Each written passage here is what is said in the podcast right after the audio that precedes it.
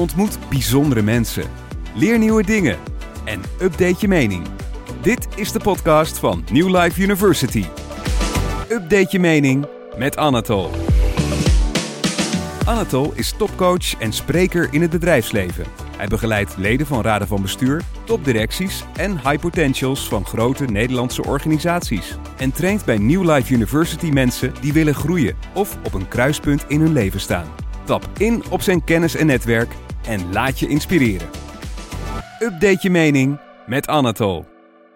Je kunt de podcast ook beluisteren via Apple Podcast, Spotify en Overcast. Nou, heel erg dankjewel dat je wil komen. Eigenlijk kom ik erachter dat je best wel een, uh, zo, zo vind ik dat, hè, een icoon bent uh, uit, uit mijn uh, verleden. want je hebt vroeger samen met een collega, denk ik, of vriend, een, een kliniek opgezet, Veldhuis. Ja. Kliniek. Een aantal jaar geleden heb je een volgende stap gemaakt. Ja. Zou je een heel klein beetje achtergrond willen geven? Ja. Want ik vind, het super, ik vind het super interessant en ik heb heel veel vragen. Uh, maar je mag ook gewoon vragen terugstellen. Oh ja, oké. Nou, um, ja, het is eigenlijk zo dat het uh, in eerste instantie helemaal geen, geen vriend van mij was of zo mm -hmm. hoor. Het is, um, ik ben samen met Jack Dekker in 1995 uh, begonnen met veldheidskliniek. Maar ik was een paar jaar eerder gestart met een ander initiatief. Uh, simpelweg omdat ik het ontzettend mooi vond wat, uh, wat lasers konden doen op de huid. En dat, dat vond ik echt een concept waar ik nooit over nagedacht zou kunnen. Dat had ik nooit kunnen bedenken. Maar het idee is dus als volgt. Zo'n laserstraal is één golflengte. Die gaat door de huid heen en doet in principe niks. Behalve als iets tegenkomt wat die energie bindt. En dat heeft dus te maken met, met de kleur. Bijvoorbeeld een bloedvat is rood. En als je een laser hebt die groen licht uitstraalt, dat zijn complementaire kleuren, dan bindt dat met elkaar en dan komt opeens energie vrij. Dan komt opeens warmte vrij. Dus je hoeft niet door de huid heen te snijden om bij dat bloedvat te komen en dat bloedvat uh, te vernietigen, want daar gaat het dan vaak om. Hè. Dat is iets wat, uh, wat stoort, mm -hmm. uh, te veel bloedvaten. Dus dat ben je dan kwijt zonder dat je de rest van de huid kapot maakt. Nou, dat fascinerend. Dat vond ik echt fascinerend. Ja, ja. Ik dacht, nou, dat moeten we in Nederland uh, gaan doen. Ik was naar Harvard geweest. Er zat een uh, collega van mij, Nederland, die ik kende. Die zei, je moet bij ons komen. We hebben nou zoiets fantastisch. Dus nou, nou, dat, dat moeten we gaan doen. Maar mijn toenmalig ziekenhuis waar ik werkte, in de buurt van Eindhoven, in Gelderop. Die, uh, die vonden dat te cosmetisch. Die zeiden, dat gaan we niet doen in het ziekenhuis. Dus dat moet je, als je dat wilde, moet je dat maar daarbuiten gaan doen. Mm -hmm. En dat ben ik toen gaan doen. Um, maar het probleem was dat uh, ja, ik als medicus helemaal niet die achtergrond van ondernemen, financiën dat soort dingen had. Dus ik, uh, ik merkte al snel dat ik iemand erbij nodig had die dat meebracht. En dat was Jacques. Dat, die is uh, trouwens ook iets van twintig jaar jonger dan ik. En die was net van, de, van Nijrode afgestudeerd. En die, die zei van nou, dat wil ik wel. Dus wow. zo is het begonnen. Wow. Ja. En later zijn we natuurlijk bevriend geraakt. En je, je, maakt nog wel wat mee, namelijk als je begint met een, uh, met een bedrijf. En zeker in deze richting, hè, want die mm -hmm. gezondheidszorg destijds was natuurlijk totaal niet commercieel. Dat werd gewoon actief tegengewerkt door de, door de overheid. Mm -hmm. Omdat uh, het gevaarlijk zou zijn of zo? Nee, ze wilden niet dat er uh, medische activiteiten buiten ziekenhuizen en buiten gereguleerde instellingen mm -hmm. plaatsvonden. Er waren ook eigenlijk geen privéklinieken. En um, nou, sterker nog, toen ik begon in, in Gelderop in het ziekenhuis, was er een buitenpolykliniek.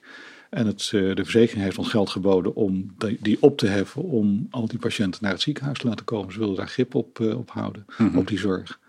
Dus uh, ook al was het cosmetisch, het, is, het werd niet gedoogd. Dus er zijn ook twee rechtszaken geweest. Dat, we hebben invallen gehad van de Economische Controledienst. Dat we verkeerde tarieven hanteerden.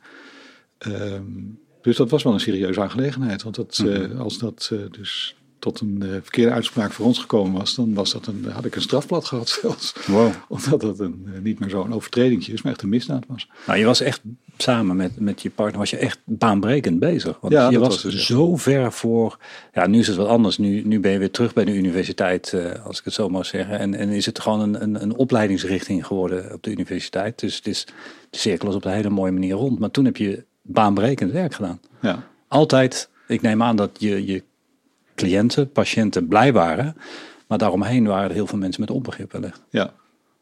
Ja, maar dat is nooit, dat is nooit mijn doel geweest natuurlijk. Hè. Het, het doel was om iets leuks neer te zetten, met name met die lezers, zo begon het. En dat, ehm, daar kon je dus opeens heel veel meer mee dan dat je op andere manieren kon. Dus dat was, eh, dat was ook heel, het was ook echt het goede moment om te beginnen daarmee, zou ik maar zeggen. Want anders, eh, eh, dit was gewoon iets, iets buitengewoons waarvan ik dacht dat, dat dat moet gewoon gebeuren. En dan krijg je al die romslomp er ro- rondomheen. Dat het dus niet te toegestaan wordt. Zit eigenlijk gewoon niet op te Nee, wachten. nee. Maar toen is wel het ondernemersbloed gaan stromen, zou ik maar zeggen. Ja, ja. En dat, het virus is er bij je en gekomen. ja. dat, eh, ja, dat is dus wel een succes geworden uiteindelijk, gelukkig. Ja, want het is een klinkende naam. En in, in de markt, voor zover ik een beetje iets van marketing snap, zijn er altijd twee die er overblijven. Je hebt Pepsi Cola, Coca-Cola en eh, jij bent definitely eh, nummer één. eh, Samen heb je, in mijn beleving, heb je een, een enorm merk opgezet. Ja. Klopt het dat jullie al heel snel, maar dat kan verkeerd in mijn geheugen zitten, maar volgens mij waren jullie al heel snel op tv en in, Ja. in samenwerking. Ik noem het dan maar even marketing. Dat was heel duidelijk. Je was een merk aan het bouwen. Ja.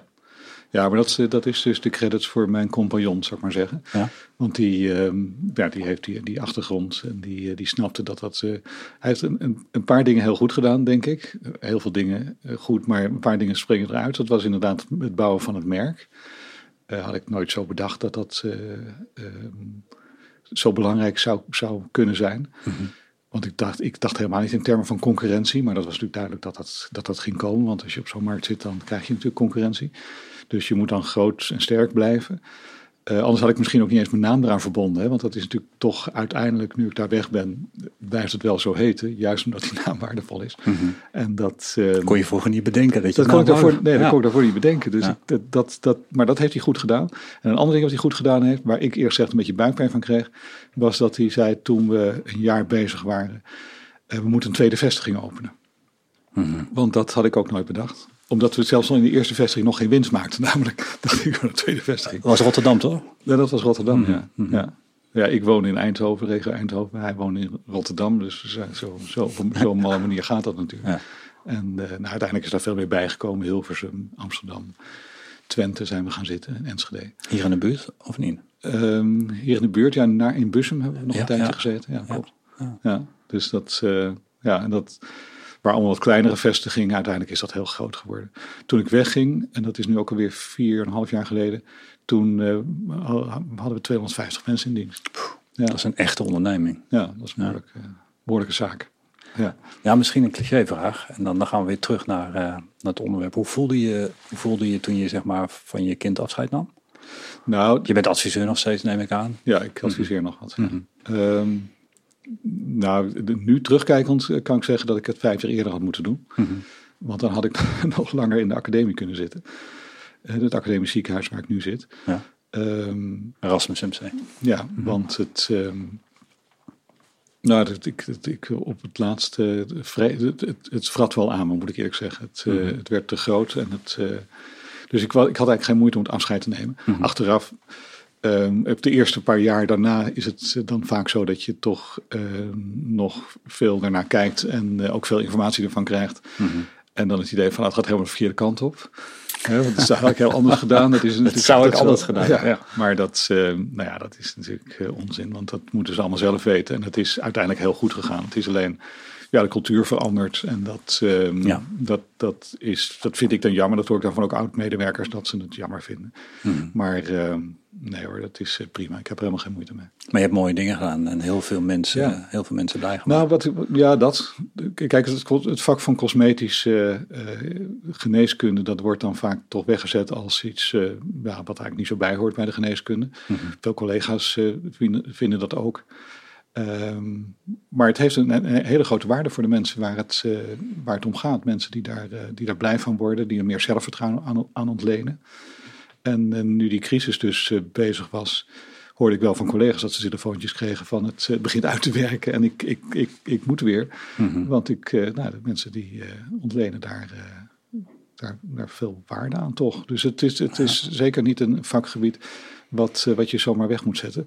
Vooral ook omdat eh, de hoeveelheid behandelingen die daar gaande zijn, dat, dat onttrekt zich bijna aan, aan ieders waarneming binnen de geneeskunde. Maar de hoeveelheid behandelingen is gigantisch. We hebben dat, daar onderzoek naar gedaan en dat is bijna een half miljoen eh, behandelingen per jaar in Nederland. Alleen. Alleen al. Dan, dan gaat het alleen maar over die inspuitingjes, niet over de uh, operaties die er mhm. nog bij uh, gedaan worden. Dus dat is een, uh, een, eigenlijk een factor van belang in de geneeskunde. Dat is wel stevig. Ik snap dat zelfvertrouwen. Ja? ja, zeker. Ik heb ehm, van nature niet echt goede tanden. Die stonden erg scheef. En volgens mij was de structuur van tanden, van, van, van de, ik moet maar even de kalk ook niet helemaal oké. Dus ik heb eigenlijk tot, tot, tot ik ergens achter in de twintig was, moeite gehad met lachen. En meestal maskeerde ik dat op een hele handige, handige manier. Ja. En toen heb ik, uh, uh, een, uh, toen heb ik een stap genomen om, om mijn tanden in een toetertijd hele hippe, nieuwe manier van ja, hoe je je tanden eigenlijk kan, kan mooi kan maken. Heb ik laten doen. Eigenlijk in een, in een dag. Ik ben daar nog een tweede dag geweest. En ik ben veranderd in iemand die niet durfde te lachen, naar iemand die daar niet meer over nadacht. En lachte wanneer hij dat wilde. En dat heeft. Er zijn een paar markante punten in mijn leven. En dat is een van de oh, markante punten. Ja. Dus ik sta heel anders in cosmetische ingrepen. In de context cosmetische ingrepen. Uh, ik vind het heel normaal dat mensen ingrepen laten doen waar ze zich beter door voelen. Ook al is dat niet medisch ingegeven. Ik snap dat. Ja. Ik begrijp het. En ik weet niet of ik dat helemaal mag extrapoleren als we het over mijn tanden hebben. Maar volgens mij wel. Ja, ik zie er ook niet veel verschil tussen hoor. Veel mensen die zeggen van het, uh, ja, je doet toch iets in het lichaam. Dat hoeft allemaal niet. En het, uh, het heeft ook risico's en zo. Maar dat is, de tandheelkunde heeft ook risico's natuurlijk. Snap ik, ja. En dat, uh, het is natuurlijk toch wel wat anders dan naar de kapper gaan of je je opmaken. Hè, dus mm -hmm. je een inspuiting laat doen met botox of wat dan ook. Maar het, um, ja, het is wel een soort van verlengde daarvan. En het, maar goed, en tegelijkertijd betekent het ook dat de artsen die het doen zich wel degelijk bewust moeten zijn van het feit dat ze dat ze het op een goede manier moeten doen. Hè. Er wordt wel, er wordt wel veel gerotsoort in het vak, moet ik wel eerlijk zeggen. Ja, dus, dus aan de ene kant heb je de kwaliteit van misschien de injectables of van de, het siliconen. Uh, aan de andere kant heb je natuurlijk het vakmanschap of het ontbreken daaraan. Ja. En dan heb je nog gewoon eh, de categorie die in elke business zit, de foute mensen. Ja. Um, merk je wat je zegt dat er toch veel uh, gerommeld wordt? Ja. Want mag ik dat nog een klein beetje inleiden? Ja, ik vond het zo bijzonder dat je na, na zo'n mooi ondernemerschap uiteindelijk weer uh, terug naar de universiteit ging. En wat het met mij deed, toen ik me verdiepte in jou, is dat ik direct dacht, mijn eigen conclusie, ja, dat, is, dat, is, een ethische man. Die doet dat om hele andere redenen dan, dan euro's. Die doet dat om, om, om wetenschap te bedrijven. Die doet dat om mensen uh, zich goed te laten voelen of zich beter te laten voelen. Daar ben ik eigenlijk wel heel blij van. Oh ja, leuk. Ja. ja. maar ik weet niet of dat de conclusie moet zijn, maar dat is mijn conclusie. Ik denk, hè, normaal is het een academie gaat het bedrijfsleven in en uh, ja. Maar nu is de academie uh, weer, weer terug, zeg maar. nou, dat is leuk dat je dat zegt. En dankjewel, want het, ik zal even uitleggen hoe dat uh, zo gegaan is. Ja. Um, ik, ik, ik, voel mij namelijk erg een, een wetenschapper. Dus daar, zo ben ik ook de dermatologie ingegaan. Want ik ben geen plastisch chirurg. Hè. Veel mensen denken. Je bent dermatoloog. Ik ben dermatoloog. Mm -hmm. En dat, um, dat is op zich ook wel weer grappig. Want er is natuurlijk een soort, een soort van piekorde in de, in de geneeskunde. Waarbij de dermatoloog nou niet helemaal bovenaan staat. Sterker nog, in, in wat meer ja, je bent uber cool als je chirurg bent. ja, ja, chirurgie, dat, uh, daar gaat het eigenlijk om. Ja, ik ken flink veel chirurgen en ik, ik snap wat je zegt. Ja, nou ja, ja. Dat, dat, uh, ja. En dat, um, en het grappige is dus dat, um, dat er wel heel veel, uiteindelijk heel veel plastisch chirurgen bij mij, het tussen aanhalingstekens, uh, werkten. Um, min of meer onder mijn, onder mijn leiding werkt. Mm -hmm. Dus dat, um, uh, nou ja, uiteindelijk waren het, was ongeveer 15% van de plastisch Nederland die werkte dan bij ons, bij de veldheidskliniek, of de aanverwante bedrijven die dan onder die, die mhm. koepel vielen. Mm -hmm. En um, nou ja, dat was wel een soort omkering van, van de rollen die, uh, die er traditioneel uh, zijn. Ja. Hoewel ik me daar nooit zo uh, in. Nou ja, okay, ik, ben, ik ben niet zo'n hiërarchisch persoon. Nee. Um, nou, kijk, het feit dat ik naar de universiteit toegegaan ben, was dus eigenlijk iets wat ik uh, altijd al wilde. Ik ben dermatoloog geworden om juist onderzoek te doen. Maar ik, ik merkte aan de universiteit, toen ik daar afgestudeerd was, dat ik er niet zo uh, gelukkig uh, werd. Mm -hmm. Vooral de restricties die er waren op onderzoek, nog steeds wel zijn op onderzoek, die, mm -hmm. die, die, die, die wurgden mij een beetje. Dus toen ben ik toch naar de, de periferie gegaan, zoals het dan heet. Dus een, een ziekenhuis buiten het academische ziekenhuis. Mm -hmm. En dat... Um, dat, dat was eigenlijk toch best wel saai. Vandaar ook dat ik uh, uiteindelijk andere wegen gezocht heb. En uh, dus met de veldheidskliniek, eerst naast het ziekenhuis en later. Uh, maar wij kwamen daar toch ook wel een groot aantal problemen tegen van het werk dat, dat we deden. met name de ehm, zogenaamde permanente fillers. Ik weet niet of je dat verhaal kent. Weet je alsjeblieft vertellen? Ja, graag. dat, dat zijn fillers die dus permanent zijn, die dus niet opgenomen worden in het lichaam en, en dus blijven zitten.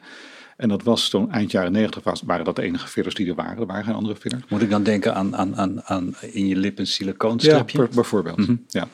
En dat, uh, dat was allemaal goed uitgetest. Dat, uh, daar was ook toegelaten op de, op, de, op de markt. Maar uiteindelijk, als, dat, als je een jaar of tien verder bent, dan komen mensen bij je terug en zeggen: Ja, ik heb er toch last van. En dat was verdraaid moeilijk om dat, uh, om dat weg te krijgen. Dus toen ik eenmaal stopte met mijn actieve ondernemerschap, uh, dacht ik van ja, dat zou ik toch eigenlijk wel fijn vinden om daar een oplossing voor te vinden. En uh, dat was eigenlijk een van de belangrijkste redenen om naar de universiteit te gaan. Om ja, ervoor te zorgen dat we dan op een verantwoorde manier. Want je kan het wel voor jezelf een beetje proberen om het weg te krijgen. Maar eigenlijk wil je toch met een groep collega's erover praten. En zien of je de beste techniek kan vinden om dat, uh, om dat op te lossen, dat probleem. Mm -hmm. En zo geleidelijk aan nou, zijn we daar wel min of meer in geslaagd, denk ik. Um, en, en, dan als je op de universiteit zit, dan, dan merk je dat het ook nog weer vele andere leuke aspecten heeft. En dat spreekt me enorm aan om daar te zitten. Met name de opleiding te doen van de jonge artsen. Die uh, gewoon heel eager zijn natuurlijk om, uh, om, om uh, gebruik te maken van de ervaring die ik heb opgebouwd. En dus ik had het eigenlijk eerder moeten doen, wat ik net al zei. Een paar jaar eerder. Want dan mm. had ik het nog veel langer kunnen doordoen. En dan had ik nog veel meer mensen plezier kunnen doen. En mezelf ook een plezier kunnen doen. Want het is ontzettend stimulerend en, en leuk om te zien wat ja, hoe mensen daarin in kunnen groeien. Mooi. En met die kennis wat kunnen doen. Ja, ja mooi, maar sowieso kennisoverdracht is iets heel moois. En je onderzoekt daarnaast ook ja. om, het gewoon beter te maken, dat het eigenlijk veiliger wordt, toch? Maar mag ik het een klein beetje ontleden en onderbreek me daar waar ik scheef ga? Want ik ben geen medicus. We hebben het al heel snel over een aantal dingen gehad. Uh, we, we hadden het bijvoorbeeld over fillers. Uh, en wat mij heel erg aansprak, en uh, mijn collega Teun heel erg aansprak, is dat je iets hebt gevonden, iets hebt gezocht en hebt gevonden, wetenschappelijk onderbouwd, uh, wat veel beter voor het lichaam is, wat wellicht afbreekbaar is, maar daar komen we zo wel op als ik een paar onjuistheden heb. Maar we hebben dus een aantal dingen. We hebben mensen die een verminking hebben en die kunnen in een ziekenhuis belanden, misschien bij, bij de chirurgieafdeling uh, komen. En da daar kan ook uh, iets gerepareerd worden en daar kan iets hersteld worden, of een esthetische ingreep worden gedaan. En dan heb je het eigenlijk over uh, een specifiek, specifieke groep chirurgen die kunnen herstellen. Ja. Um, nou, wij in de volksmond kennen natuurlijk de schoonheidsspecialist, we kennen de chirurg en we kennen ook steeds beter de cosmetisch chirurg, mag je dat zo zeggen? Ja, ja. Ja, nou ja, ja. Ja, daar ga ik al. Hier, ja, ga je een beetje mis, ja. Nou, ja, de, de naamgeving is inderdaad wel een uh, heikel punt. Maar hoe zit dat vakgebied in elkaar? Want we hebben de schoonheidsspecialist om de hoek, die uh, hopelijk iets goed doet. En we hebben de, de, degene die er echt voor hebben geleerd en, uh, en, en, en, misschien nog een stap verder zijn gegaan, die echt goed zijn gespecialiseerd. Hoe zit dat in elkaar? Kun je een paar termen noemen? En uiteindelijk ja. Zou je dan bij fillers willen uitkomen? okay. En ik weet dat het met hyaluronzuur te maken heeft en dat het een heel natuurlijke stof is. Maar wat ik heel bijzonder vind, komen we straks op, is dat met het, met het proces waarop hyaluronzuur nu wordt gemaakt, dat je zelfs de lengtes van de structuren kunt bepalen. En dat heeft weer een effect op de viscositeit en, enzovoort. Ja. Daar komen we allemaal wel op. Okay. Hoe nou. zit dat vakgebied in elkaar? ja, uh, nou ja, het eerste grote onderscheid is natuurlijk tussen medisch en niet-medisch. Dus mensen die geneeskunde gestudeerd hebben en daarmee dus de behoefte hebben gekregen om uh, te prikken en te snijden. Mm -hmm. En mensen die niet medisch zijn, die zich dus bezig moeten houden met, um, ja, met andere technieken om uh, schoonheid te verkrijgen of huidstructuur te verbeteren, dat soort dingen. Mm -hmm. En dan in, met de groep te beginnen, de schoonheidsspecialist. Um, doet in principe iets wat, um, wat de huid mooier maakt, wat je uiterlijk mooier maakt, maar wat um, tamelijk snel weer voorbij is. Dus die verbetering, die is een maand later, is die weer het niet gedaan. Dus dan moet je blijven komen. Zelfs met haren knippen, dus moet je regelmatig heen gaan. En dan heb je een mooie glanzende huid en uh, huidreiniging en allerlei andere dingen. -hmm. dan voordat het echt heel erg uh, medisch wordt, uh, hebben we nog de huidtherapeut. Dat is een typisch Nederlands beroep wat in geen enkel ander land bestaat volgens mij, is een HBO-opleiding. En um, die mensen, dat zijn meestal vrouwen overigens, maar ook wel wat, wat mannen uh, inmiddels, die uh, houden zich bezig met. Uh, sommigen doen helemaal geen cosmetische dingen overigens hoor. Die doen dan lymfedrainage of bandagist, dus het compressietherapie mm -hmm. voor, voor open benen, dat soort dingen. Maar een, groep, een, grote groep doet dus wel cosmetisch werk. Die hebben dan lasers bijvoorbeeld. En, dat, um, en daar kan je, als je de wil ondergaan, kun je daar ook het beste heen gaan. Want die doen de hele dag alleen maar dat. En die zijn daar heel erg goed in. En dan moet je ook wel ingeschot zijn, bijvoorbeeld. Toch? Ja, dat is zeker. Dat kan iets fout gaan ook? Daar kan zeker wat fout gaan, ja, kun, je, kun je daar iets korts over zeggen, waar nou ja, moet letten? Ja, dat is een, een goede vraag. Ik ben er toevallig uh, heel erg mee bezig, omdat ik een soort van verzoek van de inspectie gezondheidszorg, een soort monografie geschreven heb over uh, wie dat soort behandelingen nou zou moeten uitvoeren. Want dat is natuurlijk ook een beetje een punt van hoe gevaarlijk is het, hè? Uh, sommige behandelingen die worden geclaimd helemaal niet gevaarlijk te zijn. Ik weet niet of je de term microneedling wat zegt. Dat zijn kleine Zeker. naaldjes die als in een rollertje of met een, met een soort van pistool in je huid geschoten worden. Mm -hmm. Dan iets beschadigen. Gewoon als, als naaldjes een kleine beschadiging maken. En het lichaam moet dat opruimen. En dan wordt je huidstructuur beter van. Dat is ook echt zo. Mm -hmm. um, dat is iets wat, uh, wat schoonheidsspecialisten doen. Huidtherapeuten ook doen. En als ik dus dat langs de meetlat leg die ik dan zelf ontwikkeld heb in die monografie, dan denk ik van ja, dat is ook inderdaad zo. Dat is ook echt iets wat schoonheidsspecialisten kunnen doen. Want je verandert niks structureels aan, aan die huid. Risico minimaal? Risico minimaal. Mm -hmm. Zodra je dus uh, met lasers gaat werken, dan heb je het uh, bijna altijd over warmte. Warmte die uh, overgedragen wordt en, en, en niet een beetje warmte, hè, meteen een paar honderd graden. En die maken dus iets kapot. En de, de, um, de mate waarin het kapot gaat, of de, de, zeg maar, de hoeveelheid van het weefsel die kapot gaat, die bepaalt natuurlijk uh, of, er, of er risico is. Als het maar 1% is van het totale oppervlak van je huid, nou dan zal het meestal wel loslopen. Maar als het 10% wordt of 20%, dan gaat het echt uh, serieuze vorm aannemen. En dan, um, ja, dan moet je dus ook rekening gaan houden met, uh, met littekens of brandwonden of uh, allerlei dingen die er gemiddelde zijn. Een gemiddelde winkelstraat in Nederland en net daarbuiten, ik kom door mijn beroep op heel veel plekken, heb je gewoon twee, drie laser ja. plekjes eigenlijk. Deze ontharing is het dan. Ja, en ja. ik vind dat best wel spannend als ik dat dan zie. We hebben hier een laser. Ik kan niet zeggen dat die helemaal uh, legaal is, want we hebben hem via, via Marktplaats geloof ik in Amerika gehaald. Dat is zo'n laser die, ze, die een aantal jongens op die helikopterpiloot uh, schenen. Dat is een hele zware laser. Dan, uh, dus daar, als je dat op een ballon richt van de juiste kleur, dan klapt die. En als je hem verkeerd richt, dan heb je dus echt een probleem. Dan heb je een gat in je, in je bekleding. dus ik weet wat, wat een laser kan. Um, dat gecombineerd met, uh, met een klein beetje kennis over, over lasers.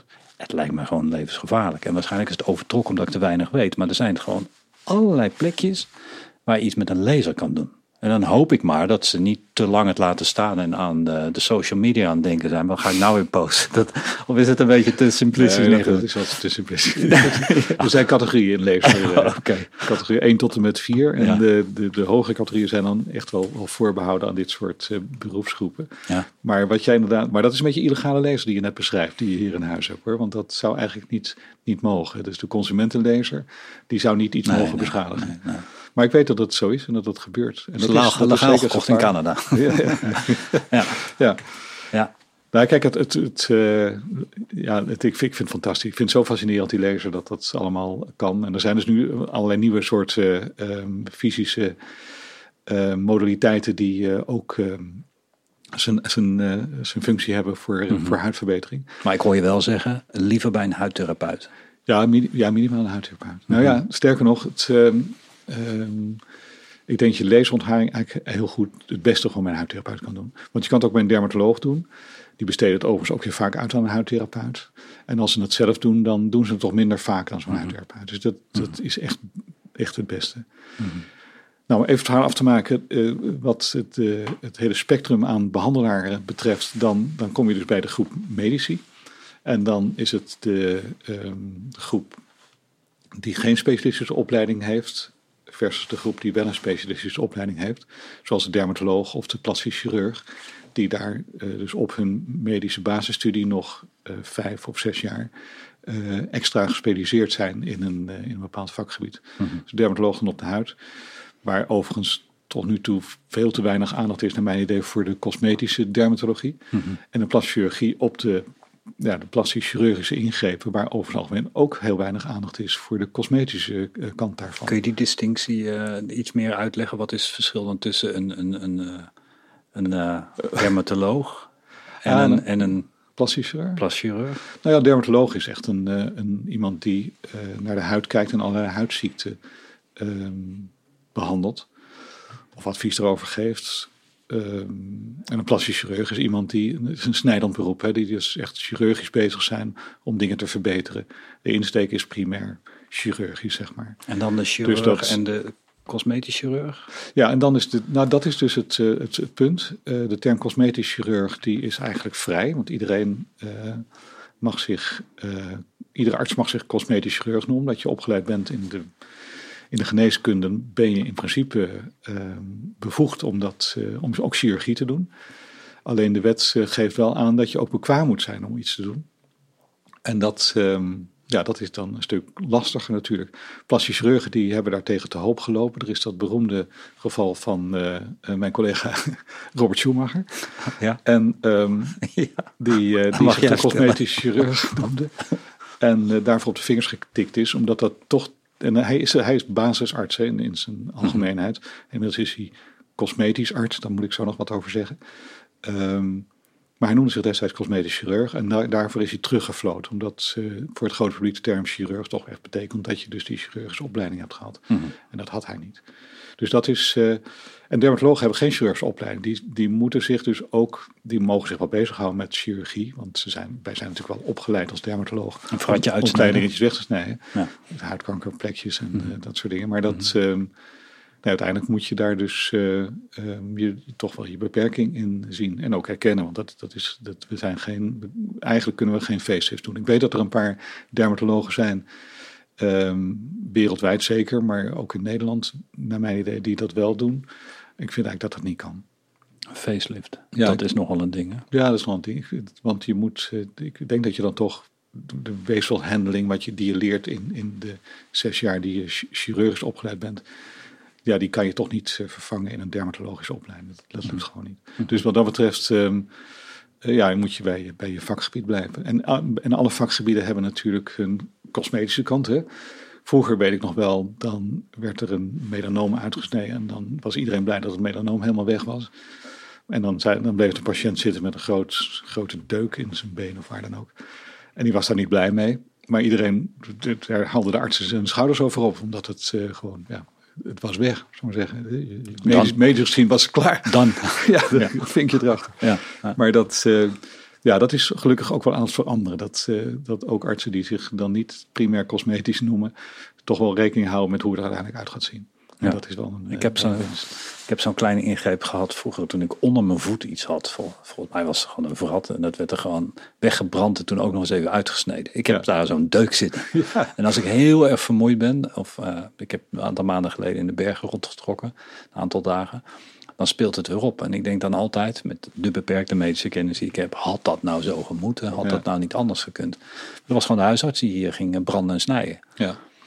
Ja, nou ja, goed. Dat, eh, ik wil, Vond ik wel heftig. ja, nou, niks ten nadele van de huisarts. Nee, zijn er die dat heel goed kunnen natuurlijk. Mhm, Maar dat, zo, dat was natuurlijk de insteek destijds. En dat, eh, dat het medisch opgelost zou zijn. Laten we nog even verder vertellen over de groep van cosmetisch Ja. artsen. Ja. Want dat is wel ehm, eh, bijzonder.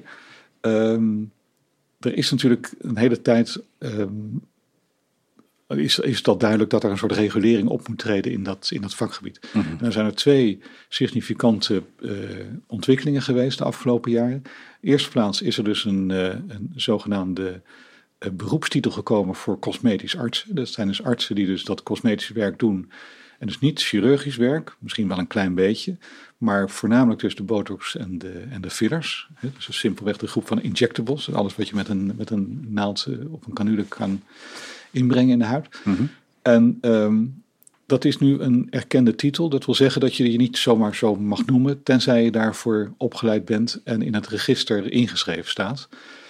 Ehm, dus ja, nou ja, dat, dat betekent dus dat het voor het eh, grote publiek is een, een soort kwaliteitskeurmerk. Is het BIG-register ook? Of, eh, Ja, of- het register is voor alle artsen. Ja. Maar dat is een, dit is eigenlijk de KNMG-register, zoals dat heet. Koninklijke Nederlandse Maatschappij voor de Geneeskunde. Ehm, dus als je wil weten of je bij een goede arts bent, dan, dus een dermatoloog, dat is natuurlijk ook een, een, een vaktitel waar je uh, wat, wat kan, kwaliteit aan kan ontlenen. Mhm. Maar de andere kwalitatieve beroepsgroep hier in dit vakgebied is dus de cosmetisch arts. Niet de cosmetisch chirurg, want die term ga ik niet eens gebruikt worden. Cosmetisch arts. En dan zijn er nog een aantal basis. En dat was eigenlijk waar ik het meest van geschrokken ben. Ehm, dat een van mijn studenten, die net, uh, studenten in een opleiding geneeskunde moeten dan een soort masteronderzoek doen. Of niet een soort, maar het moet een masteronderzoek doen. Mhm. Mhm. En dat, uh, dat doen ze dan, sommigen doen dat bij mij. En dat is dan voor velen het laatste wat ze moeten doen. En een van mijn studenten was klaar, bijna klaar. Ik zei, wat ga je nog doen? En toen zei ze, nou, ik heb een wachttijd van een half jaar voordat ik uh, mijn vervolgopleiding ga doen. Ik ga in dat half jaar ga ik uh, cosmetisch arts doen. En ehm, ik had dat nog nooit gerealiseerd. Maar er zijn dus klinieken die een beetje aan de onderkant van de markt werken uh, qua prijs. Die dus dat soort mensen in dienst nemen. Die dan waarschijnlijk één, twee dagen een cursus krijgen. En dan op losgelaten worden om, uh, om injecties uh, te geven. Nou, dat kan natuurlijk kwalitatief kan dat helemaal niks, niks zijn. Dat, je kan het gewoon nooit geleerd krijgen in, in een paar dagen. Mm -hmm. Ik weet wel dat ik de artsen van de Veldenskliniek leid ik dan op. En dan was het zes weken uh, meekijken op modellen oefenen. Dat zijn dus mensen die weten dat het voor het eerst gedaan wordt. dat die arts geen ervaring heeft. Ik sta ernaast. Ze hebben een theoretische opleiding gehad. Dus dat is de eerste zes weken. Dan ga je onder supervisie ga je, uh, zeg maar echte klanten behandelen. Mm -hmm. En het eerste jaar word je niet eens losgelaten. Moet je eigenlijk uh, uh, continu rapporteren over wat je doet. Een gedegen opleiding. Dat vind ik dus een opleiding. Maar, Zeker. Dus ja. dat is wat anders dan ik ga eens een halfjaartje maar even cosmetisch arts spelen. Dus daar, ik denk dat dat heel erg belangrijk is om die, dat te realiseren als consument. Dat daar het, het verschil in zit. Mag je daar iets over vragen? Waarom, waar, waarom doet jou dat iets? Want ik zie dat nou, het je echt iets doet. Ja, dat, dat, nou ja, dat vakgebied. Hè, dat, uh, het, het, het, de mensen moeten wel vertrouwen hebben in wat er uh, gebeurt. En iedereen, iedere arts kan zijn slechte dag hebben, zou ik maar zeggen. Mm -hmm. Maar het, gaat er wel om dat, je, dat de basis uh, dat die goed is. En er is zoveel meer te weten. Wij zijn dus nu bezig met... Um, ik weet niet of je dat, of je dat weet, dat gaat misschien ook een beetje ver. Maar met, met de ultrasound, de echografie van de huid. Ja om in die huid te kijken. Er is die apparatuur van die echografie, die is de laatste jaren enorm veel verbeterd. Mm -hmm. Dat wil zeggen dat um, het megahertzgetal is veel, veel hoger geworden. Dat betekent dat die stralen niet zo diep gaan, maar veel betere uh, definitie geven van de, uh, van de oppervlakkige lagen. Je bent van uh, standaard definitie gegaan naar 4K, zeg maar. Ja, nou zo ongeveer. Mm -hmm. Ja.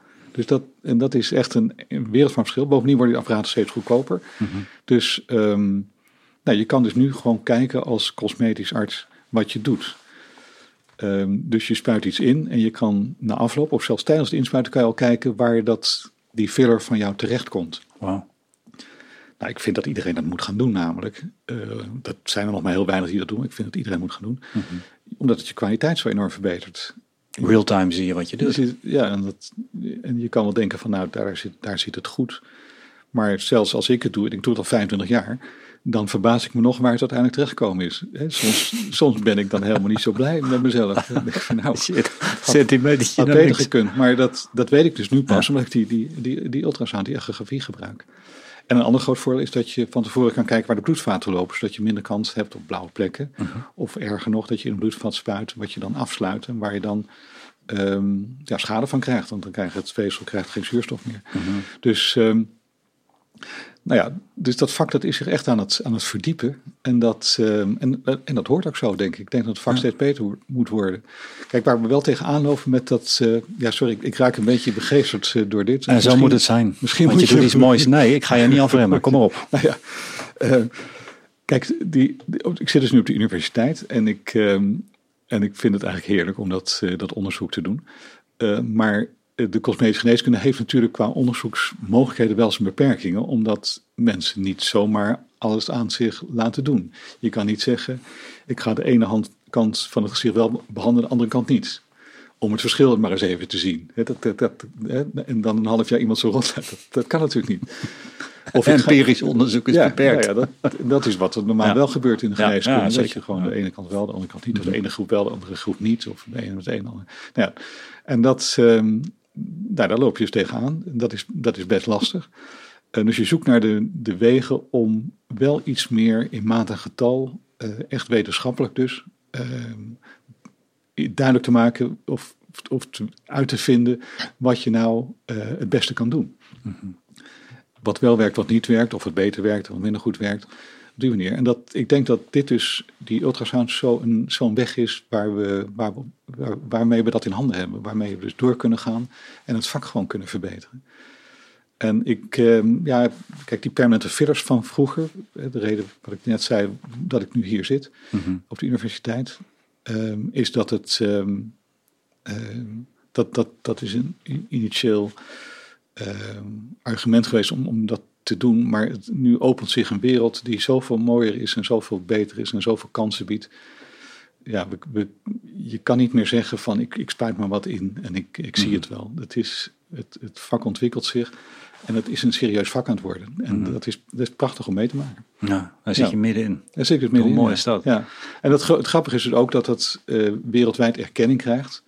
Eh, ja, en dat het, eh, er komen mensen vanuit de hele wereld komen bij ons kijken nu. We zijn een soort van voorloper in dat, eh, in dat vakgebied.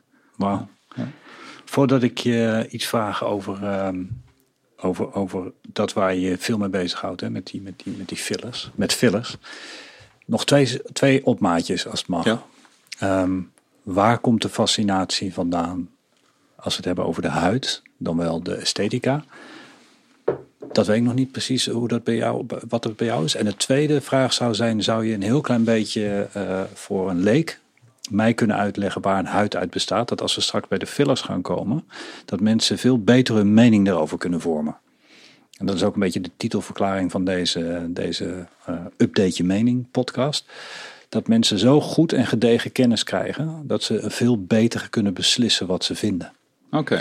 Maar ik denk dat er een heel klein beetje anatomische kennis nodig is van de huid. Ja. want als, als leek denk ik dan, ja, als je een, een spuit pakt en je spuit in, dan komt hij naast de cel. Of hij komt in de cel. Maar dat is al een verschil. Jij gaf dat al aan. Als je in de ader spuit, is dat misschien niet altijd even handig. Maar waar zit die ader? Dus straks een heel klein beetje hoe de huid is opgebouwd. En ik heb een heel mooi plaatje. Een hele gave software. Oké. Daar heb ik me voorbereid. Of al die lagen, de epidermis. En, Nou eh, ja, nou oké, ja, heel dat. goed. Ehm, Ehm, zou je eens kunnen aangeven waar die fascinatie ook vandaan komt bij, bij jou? Waarom ben je in die, die, die huid, schuine streep, uiterlijk, schoonheid, esthetica? Ik weet niet wat het is. Vertel. Ja, dat, dat, dat, zal Of je, was het toeval? dat zal je dan misschien toch een beetje tegenvallen. Oh, ja. oh. Ik denk dat toeval toch een grote rol speelt. Oh, oké. Ehm, huid als, ehm, als onderwerp binnen geneeskunde. eh, ja, is, was voor mij eigenlijk het. eh, kijk, het, het grappige in de geneeskunde is, het, eh, als overal in de wereld, het is net de, de gewone wereld, is dat er. eh, ehm, het, het, het gaat, er zit golfbeweging in. Op het ene moment st- staat eh, een bepaald onderwerp op de voorgrond. Op het volgende moment is het helemaal weg.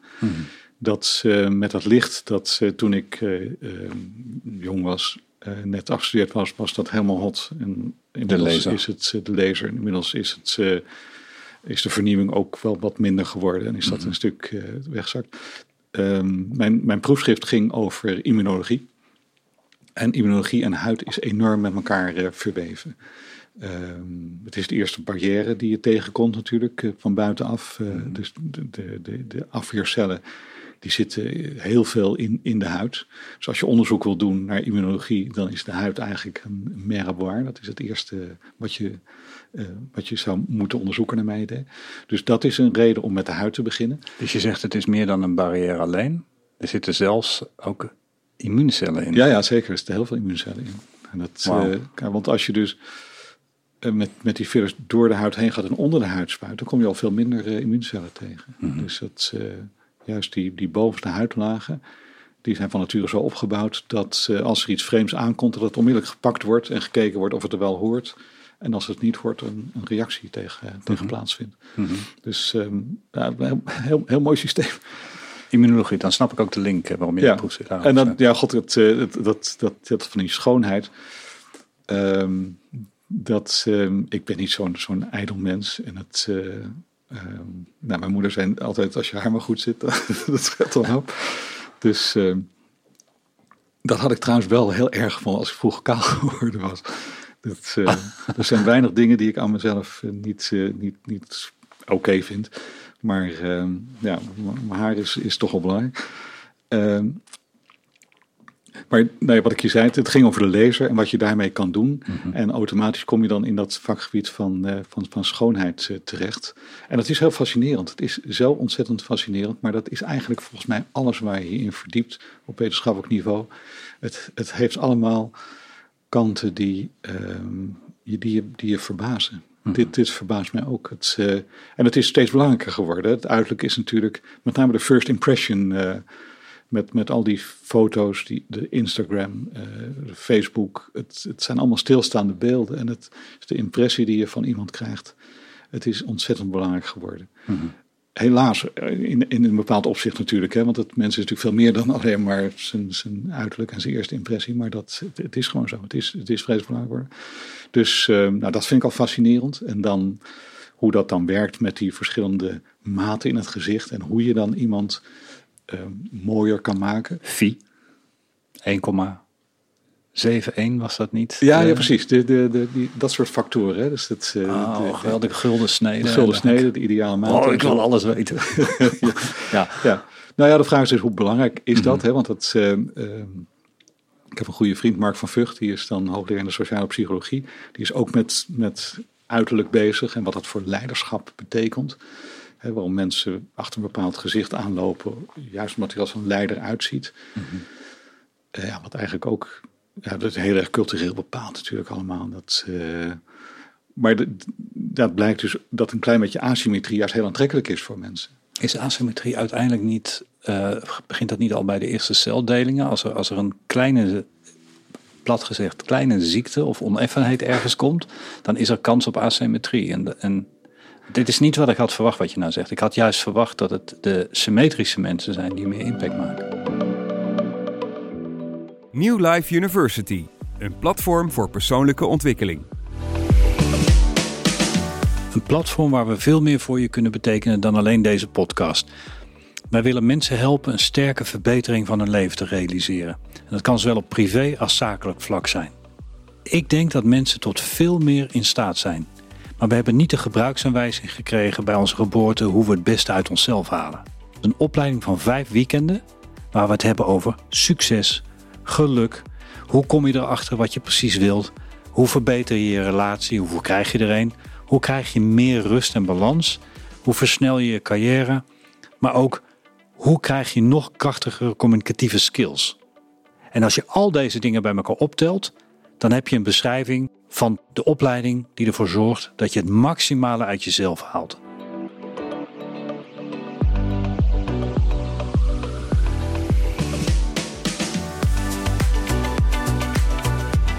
Ontmoet bijzondere mensen en leer nieuwe dingen. Update je body, mind, spirit en skills in onze gratis kennismakingsworkshop. Ga nu naar newlifeuniversity.com/workshop.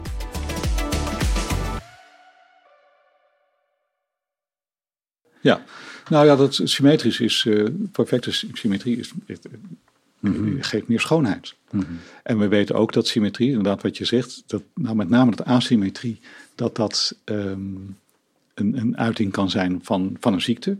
Dus als je in evolutionaire psychologische termen denkt, Zeker. Um, dat het, het, zoeken van een, dus een, een, partner voor voortplanting, dan zou je dus moeten zoeken naar iemand die symmetrisch is. Hè? Want ja, dat sterke asymmetrie, dat, dat geeft aan dat zelfs misschien diegenen niet helemaal uh, goed in elkaar zitten. Mm -hmm. Dus, um, maar als je naar plaatjes kijkt van symmetrische mensen, dat is natuurlijk heel veel gedaan. Mensen door elkaar door de helft snijden en dan uh, dubbelklappen. En dan heb je dus een volmaakte symmetrie. Mm -hmm. Ja, dat zijn hele saaie gezichten.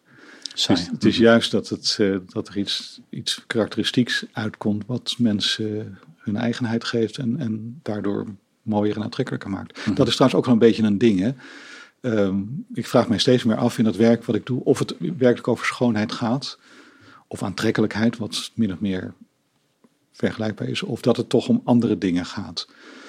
Um, want ik denk dat, dat schoonheid, aantrekkelijkheid, dat dat voor de jongere leeftijdsgroep heel erg belangrijk is. Maar voor de oudere leeftijdsgroep uh, veel meer gaat over um, ja, een beetje aantrekkelijk oud worden. Dus een beetje vertragen, niet, niet snel in de categorie extra oud uh, neergezet worden. Je, jezelf goed verzorgen? Ja, precies. Jezelf mm -hmm. goed verzorgen. Of, of juist um, meer mee willen doen met de groep waar je bij hoort. ehm, ja, dus kunnen verschillende redenen zijn. Maar het, wordt dus allemaal onder schoonheid, uh, wat wij doen, onder schoonheid geschaard. Mhm. En dat is eigenlijk niet zo. Het, je zou het meer moeten differentiëren. Ik denk dat de, de, artsen die in het werk zitten, dat ook onbewust heel veel doen hoor. Help een beetje. Hoe differentiëren? Nou, differentiëren over wat, wat, uh, wat klanten willen. Want mensen, het is heel moeilijk te verwoorden hè, wat, je, wat je wil. Ik wil grotere lippen. Ja, nou dat, dat, dat is al in eerste. Dat is voor de jonge mensen geldt dat inderdaad tegenwoordig. Hè. Dat, is, mm dat is heel duidelijk. Dat is, maar bij wat wij leren, wat ik ook leer aan mijn uh, studenten, is dat je, je moet natuurlijk uitvragen waar het echt om gaat. Veel mensen zeggen van nou, ik wil mooier worden. Of die komen binnen van nou zegt u het maar dokter, uh, wat moet er aan mij gebeuren? Wow. En dat, ja, dat, dan, dan gaat het vaak helemaal niet om een lijntje opvullen of zo. Dan gaat het meer om de vorm van het gezicht uh, wat veranderen. Maar met welk doel? Wil je aantrekken of, of is het dat je um, je beter kan bewegen in, het, in de groep waar je, uh, waar je in zit? Of wil je juist meer leiderschap uitstralen? Of uh, wil je juist uh, vriendelijker overkomen? Minder vermoeid overkomen? Dat zijn allemaal termen die veel meer spelen bij de wat oudere groep. Aha, denk wow. ik. Dus dat, en dat moet je zien uit te vragen op een of andere manier. Mm -hmm. ja. Want mensen die, die hebben niet zo dat, dat, dat idee. Wat ze, nou ja, goed, dat klinkt een beetje paternalistisch. Veel mensen weten het ook wel. Maar ik, wat ik heel vaak meemaak is dat mensen komen ik, ik wil dit opgevuld hebben. En dan wijzen ze op hun neuslippen, die plooi van je neus naar de zijkant van je mond. Die is zo diep geworden. En kunt u dat niet inspuiten? En toen ik begon, 25 jaar geleden, toen deed ik dat. En dan kon ik het heel mooi, kon ik het wegspuiten. Maar ik vond het niet echt mooier geworden na afloop. Want daar gaat het ook namelijk niet om. Die, die plooi is namelijk een uiting, als die komt, van dat je gezicht hier aan het invallen is op je jukbeenderen. En dan zakt dus die, die huid zakt een beetje naar, Mhm. beneden, naar beneden toe. En dan krijg je die plooi die heel, heel steeds dieper wordt. Dus je moet dan eigenlijk dat aan die zijkant op het gezicht, op het jukbeen een beetje opbouwen. En dan trekt ook automatisch die plooi een beetje, een beetje weg. Dus ehm, op die manier moet je ermee omgaan. Mensen kunnen bepaalde vraag stellen, dikkere lippen bijvoorbeeld. Maar is het dat ook? Dat is dan steeds de vraag. Want dan kun je, kun je uiteindelijk helemaal bij bijna een psycholoog uh, of therapeut uitkomen. En, en Ja. ja. dat is een hele brede vraag die ik nu stel. Zou, en dan gaan we weer op het pad verder. Zou je, zou je niet kunnen, kunnen zeggen van ja, je kunt pas gaan snijden als, als je eerst hebt gepraat of het niet je zelfbeeld is. Ik heb namelijk een hele, hele aparte ervaring. Ik ben, ik ben coach en ik heb uh, een paar keer ben ik mensen tegengekomen waar ik, uh, die, die mij hulp vroegen voor bijvoorbeeld uh, hun, hun, hun, hun kind, een twintiger, die anorexia had. En ik heb met een aantal mensen heel dichtbij gewerkt die anorexia hadden. En wat, wat ik daaruit geleerd heb, heb, het staat gewoon in de boeken en op Wikipedia, maar ik moest dat ondervinden, dat zij een heel apart zelfbeeld hebben. Het is namelijk altijd te dik. En waar dat dan vandaan komt, daar, daar zijn theorieën over, heb ik mijn eigen theorie over. Maar dat zelfbeeld is anders dan je eigenlijk gezond zou zijn. Zou je, dan, zou je dan moeten zeggen als iemand een schoonheidspukkel uh, wil laten weghalen.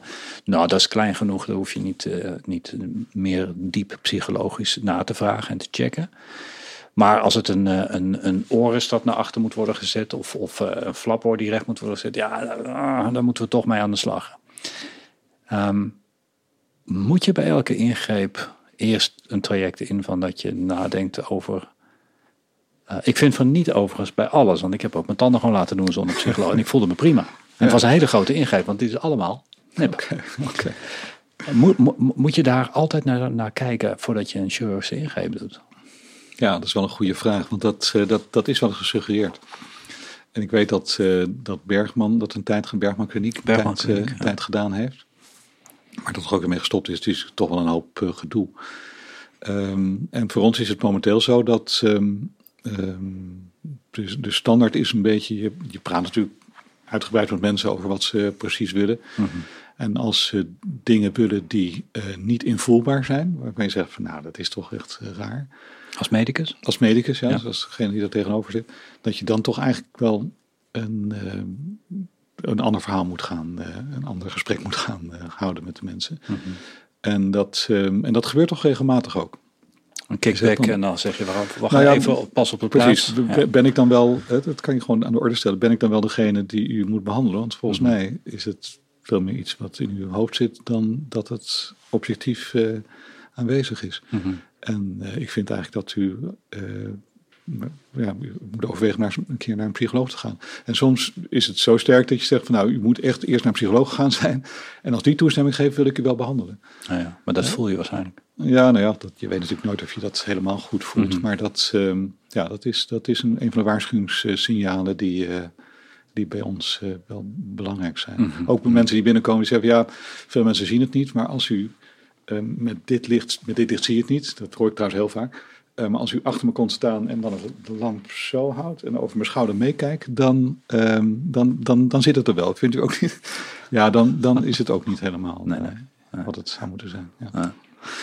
Dus de fascinatie ontstond met de lezer, maar uiteindelijk ook met asymmetrie en symmetrie. Ja. En eigenlijk bijna de, de, de wetenschappelijke aanpak van schoonheid, leiderschap, buitenkant. Ja. Wil je daar iets meer over zeggen? Ik ben, Ja. ik ben zover met Phi en dergelijke, dat je dus bepaalde verhoudingen hebt eh, in schilderijen. Je hebt bepaalde gulden, je hebt de gulden snede. Wij maken veel gebruik van eh, de, de 1 derde, 2 derde afgeleide van de gulden snede, omdat we heel veel films produceren. En ik vind het heel mooi eh, om mensen te portretteren met, met camera. Dus daar let ik dan een beetje op. Ja. En als we design doen, letten we erop.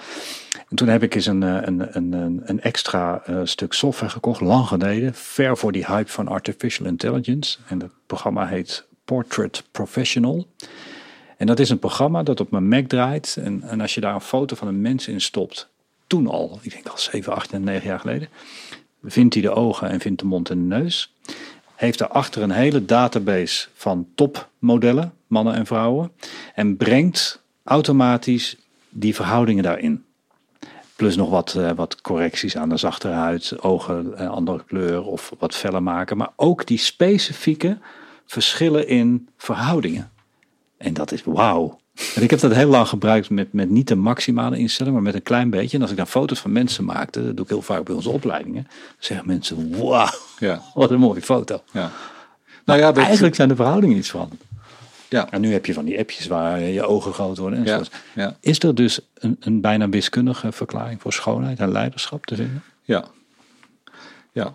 Eh, nou, ja, je brengt me wel in een moeilijke positie. Want? Nou, ja. Dat is niet mijn bedoeling. Nou, nee, dat is, dat is maar eh, relatief. Hm. Ehm, nou, laat ik eerst maar zeggen, mijn vrouw vindt dit soort gesprekken vreselijk. Omdat ze vindt, met name over leiderschap, dat, dat het, het is zo cultuurgebonden en we Zeker. versterken het zo erg omdat, om, omdat daar steeds over te praten en dat proberen eh, te bewerkstelligen. Dus die, eh, die vindt dat een vrouwelijk leiderschap wordt dus niet als leiderschap gezien. Hè, dat is echt, eh, leider, leider moet dus een vierkante kop hebben en eh, brede neus. Dat, ik zal je vertellen hoe een leider eruit ziet. Hè. Volgens de moderne psychologie, dat zijn strakke wenkbrauwen. Dus niet, niet gebogen, maar gewoon een streep. Ehm, brede neusgaten, ogen staan vrij dicht bij elkaar. Dat is dus eh eh, cosmetisch chirurgisch niet te, te bewerkstelligen. Je kan de oogkast niet anders maken. Dus dat is een punt waar we niks aan kunnen doen. Die wenkbrauwen kunnen we maken, neusgaten kunnen we maken. En een vierkant, eh, eh, vierkante hoek in het gezicht. Is dat Hier, de kaaklijn of is ja, het... de, de kaak, kaakhoek hierachter, die moet uitsteken. Een, een robuust zijn, een vierkant zijn. En de jukbenen, die moeten een, een soort van eh, hoek moet erin zitten. En je beschrijft geen mode. Dit is zeg maar vast geprogrammeerd in ons oermens DNA pakketje. Ja, dat is dan wat mijn vriend Van Vught zegt. Als je dat naar de evolutionaire psychologie verklaart, zou dat als zo moeten zijn. Ehm, maar vrouwelijk leiderschap, vrouwen zijn natuurlijk heel over het algemeen anders. Die zijn ronder qua, qua vorm. Ja. Ehm, die willen, dat, of wij vinden dat mooi als die wel een, wat meer eh, een arcade van hun eh wenkbrauw hebben. En, ehm, en, en, en daar komen ze dus over het algemeen als vriendelijker mee over. En dat, dat zijn toch wel twee polen die tegenover elkaar staan.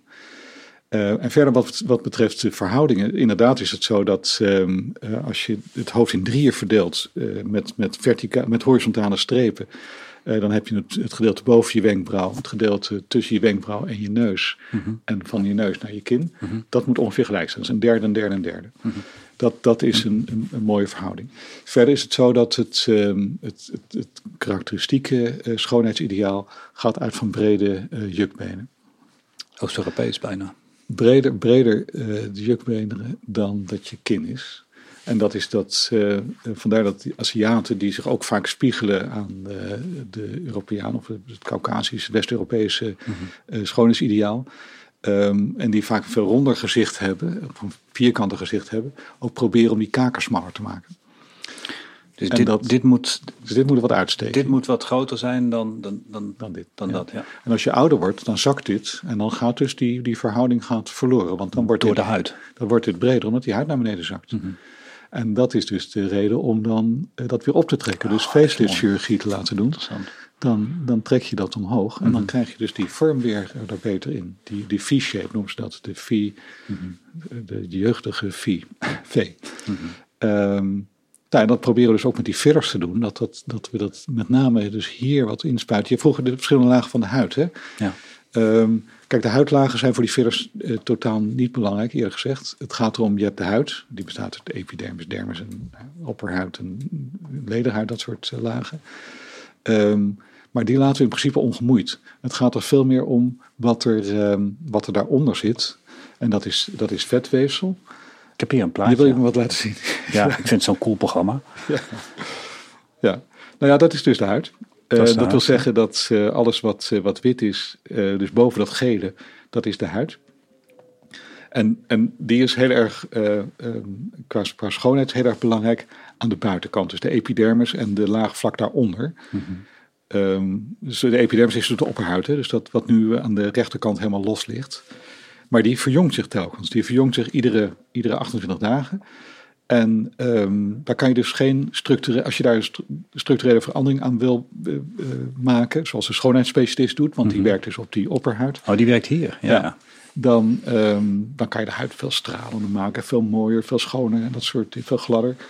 Uh, maar dat is na maand is dat weer verdwenen. Dat is wat je in het begin zei, dat is ja. een tijdelijke. Ja, dat is mm -hmm. tijdelijk. Dus als je structureel wil doen, aan die, wil doen aan die huid, dan moet je dus die laag daaronder gaan zitten.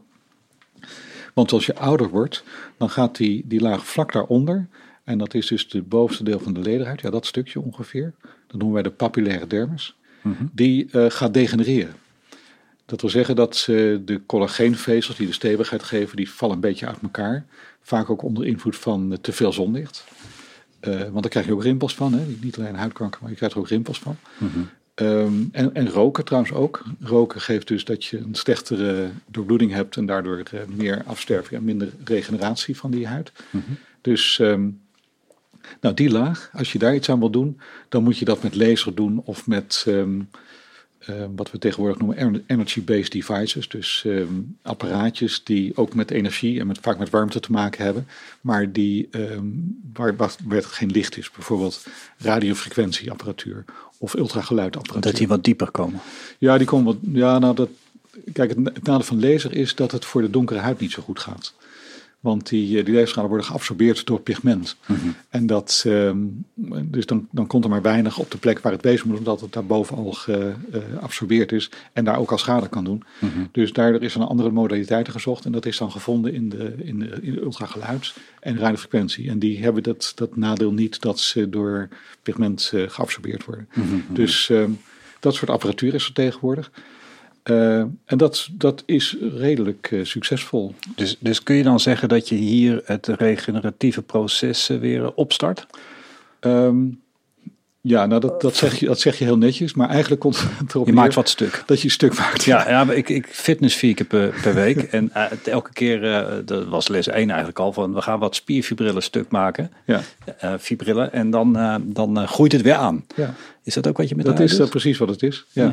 Je, je maakt iets kapot met als doel dat als het lichaam het hersteld heeft, dat het dus er beter uitziet. En komen die, die micro-peeling naaldjes, komen die alleen in die epidermis? Nee, nee, nee die, die, gaan, die gaan er doorheen. Die gaan, die gaan er doorheen, oké. Okay, ja, ja, maar die, gaan, die maken niks structureels kapot. Die, die doen alleen een, een klein snijbandje, zou ik maar zeggen. Dat herstelt, dat, dat plakt, als je dat naaldje eruit had, ogenblikkelijk weer aan elkaar. Mm -hmm. En dan krijg je ook wel een soort van, van regeneratief proces, maar dat is zo beperkt dat je niet kan zeggen dat dat, dat, dat veel schade doet aan huid. En ook geen, geen kans op complicaties heeft. Dus dat is, uh, dat is echt wel veilig. Mm -hmm. ja. Oké, okay, dan hebben we hier dus de, de, de, de epidermis, de huid, de opperhuid. Ja.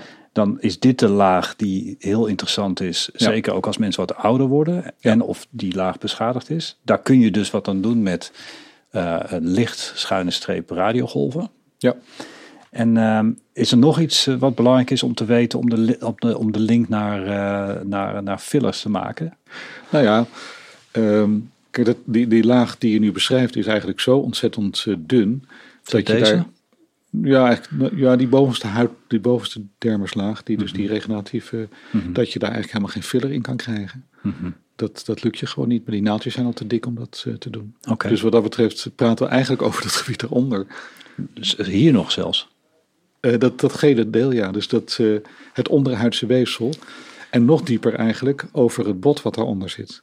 En kun je aangeven, en dat is natuurlijk niet in, bij heel het lichaam hetzelfde hoeveel millimeter dit is. Van hier, van bovenaan uh, waar je je eigen huid kan zien, tot en met hier. Ja, ja, moet ik wel even over nadenken. Ongeveer, maar dat is natuurlijk heel het lichaam verschillend. Nou, maar ik denk dat veel mensen over fillers hebben, maar ze weten niet waar ze het over hebben. Het zou ook heel tof zijn als ze na het kijken van, eh, van deze podcast in één keer denken... Ah, ah oké. Nou, dan gaan we dat, dat proberen. Is dat, dat, is een hele leuke uitdaging. Um, want het, eh, het, het, was mij ook niet zo duidelijk in het begin hoor. Want het, eh, kijk, vroeger deden we vooral die rimpels wegspuiten. Wat ik je zei, dan kwam iemand met zo'n neuslippenplooi en die zei dat wil ik weg. Nou, dan deed je dat. Mhm. Maar tegenwoordig snappen we dat, dat je dat toch anders aan moet pakken. Mhm. En een van de dingen die je dus ehm, eh, goed moet beseffen is dat ehm, het gaat dan vaak over volume. je wil dus de structuur, de contour van het gezicht wil je, wil je anders maken. En dat betekent, en volume krijg je vooral op plaatsen waar bot onder zit. Bijvoorbeeld op de jukbeenderen. Want als je daar iets inspuit wat een beetje volume heeft, ja, dan kan het eigenlijk geen andere kant op naar, naar buiten toe. Dus dan krijg je de projectie van de huid naar buiten toe, die neemt erg toe. Mhm. Dus als je dat, uh, dat wil bewerkstelligen, dan, dan, dan moet je dus inspuiten in het onderhuidse weefsel, dus in het gele weefsel, daar waar het op het, op het bot zit. Want als je het in de wangen hierin spuit, waar geen bot onder zit, ja, dan zal het net zoveel naar binnen toe uh, projecteren dan naar buiten. Nou, snap ik hem. Ja. Nou, en, wat, en hoe dik is die huid? Nou, dat is jouw vraag. Hè? Dan is die opperhuid is gewoon een, een, een, millimeter of iets dergelijks. Dat stuk wat daaronder zit, want hier zit geen spier hieronder, dat is dus al de rest. Nou, dan praat je toch gauw over een, eh, een millimeter of uh, 5, 6 dus dat, ehm, en hier op het voorhoofd, waar we toevallig momenteel onderzoek aan doen, daar zit wel een spier, want die, dat is spier die de wenkbrauwen omhoog uh, trekt. Gevoelsmatig lijkt dit gewoon maar een paar millimeter. En dat is inderdaad maar een paar millimeter, ja. Dat is echt uh, drie, vier millimeter dik. Ja, dat is heel weinig. Ah. En, daar, en die spier, we kennen spieren natuurlijk als de bicepsspier, dat zijn spieren die je vast kan pakken. Die is, die is een fractie daarvan. Die is, die is Wauw. Bijna een, een halve millimeter. Wauw, ja. dat wist ik helemaal niet. Echt waanzinnig dun. Oké, ja. gaaf. Dus het, uh, ja, en dan, dan heb je dus wel um, op bepaalde plaatsen dat je wat oppervlakkiger in, de, uh, in het onderhuid, want je praat over onderhuidse weefsel, hè, dus op de grens tussen huid en onderhuidsweefsel mm -hmm. inspuit. Um, bijvoorbeeld omdat je toch nog wel eens wat rimpeltjes bijvoorbeeld op de bovenlip uh, weg wil krijgen. Hè, dit, wat mensen dan wel het, het noemen. Of iets dergelijks. om het een beetje plastisch aan te, ja. aan te duiden. En dat, um, uh, ja, dan moet, je dus, dan moet je dus wel net onder die uh, opperhuid of, in die, of uh, onder die, die, die lederhuid spuiten. En hoe, hoe weet je dan hoe diep je zit? Nou, dat, dat, dat, kijk, dat is natuurlijk ook wel een beetje vakmanschap. Nee, dat, dat voel je niet. Dat, dat, nee, dat, daar is zoveel over te zeggen. En ik, ik geef dus ook wel eens beginnerscursussen voor inspuitingen. Want ik ben dan ook vice-president van een Europese organisatie. Mhm. En dan uh, tot mijn verbazing moet ik dan ook uh, hele basale dingen aan, uitleggen aan mensen die, uh, die al toch een tijdje in het vak zitten, naar mijn idee, in het buitenland. En dan, um, dan, dan laat ik dus zien hoe dat naar mijn idee moet. En volgens mij is het ook echt zoals het moet. Mhm. En dat, je moet een bepaalde beweging maken namelijk. Je moet door die huid heen prikken, dan moet je weer wat terugtrekken. Want je moet dat naaldje vooruitschuiven, precies parallel aan het huidoppervlak. Want als je hier wat oppervlakkiger bent en daar wat dieper met je filler, mm. dan, dan wordt het ook niks. Dus je moet dat echt heel goed moet je dat, dat opschuiven. En dan zie je, als je dat opschuift, zie als je daar ervaring genoeg in hebt, zie je um, die huid een klein beetje oprullen. Dan, dan zie je ook welk huidlaagje dan precies zit. Want de huidlagen hebben wel een andere weerstand. Maar die voel je niet, maar die zie je eigenlijk omdat je dat naaldje zo opschuift.